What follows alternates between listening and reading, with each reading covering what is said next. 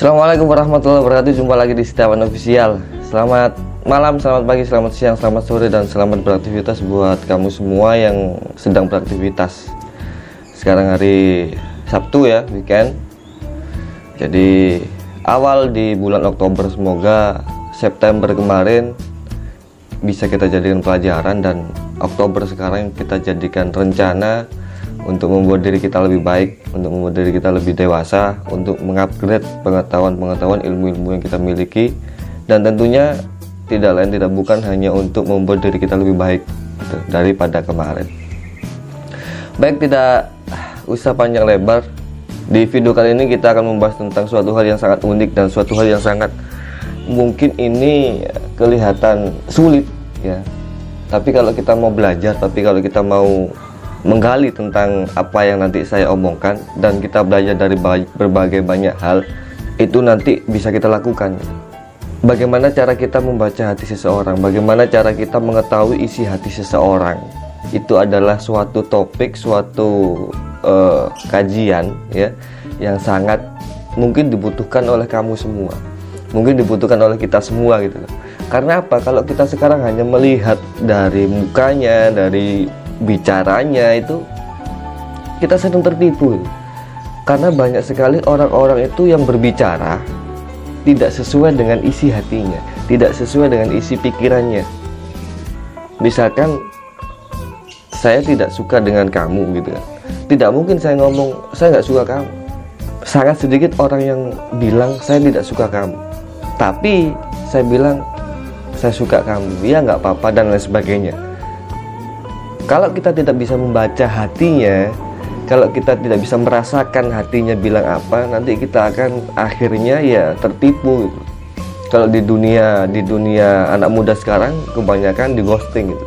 Pada saat dia bilang suka sama kamu, pada saat dia bilang sayang sama kamu lewat mulutnya atau lewat gerak-geriknya itu belum bisa ditentukan 100% kalau dia benar-benar sesuai apa yang diomongkan lah, cara atau uh, ilmu untuk membaca, mengetahui perasaan atau hati orang lain itu sangat berguna sekali buat kamu yang membutuhkan itu. Dan ini dibutuhkan di banyak hal, entah itu di sekolah, entah itu pada saat kita bergaul, entah itu di dunia pekerjaan, entah itu di macam-macam gitu. Perasaan hati, halusnya perasaan gitu. Bagaimana caranya adalah dengan halusnya perasaan kita. Bahasa gampangnya itu kita peka. Bisa merasakan apa yang dirasakan orang lain. Kuncinya itu kalau kita sudah bisa merasakan apa yang dirasakan orang lain kita akan tahu seperti ada kode atau rasa yang menyentuh di perasaan kita. Oh dia nggak suka sama saya oh dia ini marah sama saya. Oh dia ini kelihatannya suka dengan saya oh dia ini kelihatannya agak respect dengan saya. Oh dia ini kelihatannya ingin saya pergi dari sini. Oh dia ini kelihatannya ingin saya ngomong sesuatu. Nah itu kayak ada kode atau kayak ada perasaan yang memberitahu gitu. Bahwasanya orang yang kita ajak ngomong bahwasanya orang atau subjek yang berada di depan kita itu menyampaikan sebuah pesan dan itu nyampe ke perasaan kita tanpa dia ngomong contoh nih misalkan ada cewek mundar mandir nih di depan kita. Mundar mandir mundar mandir ada perempuan mundar mandir mundar mandir. Kalau kita nggak halus perasaan kita atau bahasa lainnya kalau kita nggak peka kita akan ya biasa aja. Itu ngapain sih mundar mandir di depan dari tadi? Itu ngapain sih riwariwi riwariwi di depan saya dari tadi? Kalau kita nggak peka kalau perasaan kita nggak halus pesan yang non verbal itu tidak akan nyampe ke perasaan kita. Tidak akan nyampe ke diri kita. Kalau ada perempuan mondar mandir mondar mandir di depan kita dan itu sering dengan eh, dengan waktu yang sering dan kita tahu bahwasanya nggak ada tujuan hanya tujuannya mondar mandir saja. Nggak ada tujuan ngambil sesuatu di sana atau ngambil barang di sana nggak ada. Hanya mondar mandir. Itu artinya dia ingin kita sapa itu artinya dia ingin kita panggil. Itu artinya mungkin dia ingin kita ajak ngobrol. Tapi dia tidak mengatakannya dengan bahasa ucapan dengan bahasa bahasa verbalnya. Kalau kita nggak peka hal sekecil itu kita nggak akan tahu. Contoh lagi pada saat kita bertamu ke rumah seseorang gitu ya bertamu ke rumah seseorang terus si tuan rumah itu sering melihat jam dinding sering melihat jam dinding atau jam tangan. Kalau kita nggak peka kalau perasaan kita nggak halus kita nggak tahu. Bahwasanya sebenarnya si tuan rumah lu ingin kita segera pergi. Karena mungkin sudah malam karena mungkin si tuan rumah itu sudah capek apa mungkin si tuan rumah itu tidak suka dengan kehadiran kita. Jadi dia melihat jam dinding secara tidak langsung tanpa dia mengucapkan kita harus peka. Dan segeralah pulang dari sana sebelum diusir. Itu kalau perasaan kita tidak halus kita nggak akan bisa merasakan itu. Anak muda nih kebanyakan. Di ghosting ditinggal uh, katanya PHP dan lain sebagainya. Ilmu ini cara ini sangat sangat berguna banget buat kamu di sana yang mungkin uh, sering tertipu sering ditipu dan sering dibohongi oleh seseorang oleh seseorang. Dan kita terus berulang kali dibohongi dengan cara yang sama yaitu dengan dia mengucapkan kata-kata manisnya itu. Karena di di era-era sekarang di di situasi seperti ini tuh banyak orang yang bisa berkamuflase atau me, e, me, membuat dirinya bagaimana caranya orang lain itu percaya dengan dia dengan ucapan tapi kalau kita tidak bisa membacanya perasaannya bagaimana yang sebenarnya kita akan dibohongi dan kita akan sulit untuk menemukan orang yang benar-benar jujur dan real sesuai dengan perasaannya. Lah, pertanyaannya sekarang bagaimana caranya menghaluskan perasaan kita? Kan gitu. Bagaimana caranya menghaluskan perasaan kita supaya pada saat ada orang itu mengeluarkan sinyal atas apa yang ada di dalam dirinya itu bisa nyampe ke diri kita.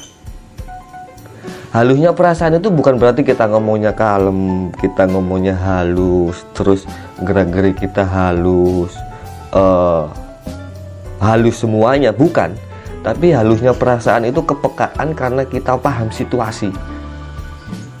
Biasanya ya, biasanya perasaan seseorang itu bisa halus atau kepekaan seseorang itu tentang hal di sekitar objek di sekitar itu bisa nyampe ke perasaannya biasanya kalau orang itu sering mengalami penderitaan, sering menghadapi masalah, sering uh, mengalami hal yang itu menyedihkan, sering membuat galau. Bukan berarti galau itu baik, bukan berarti sedih itu baik atau buruk, bukan.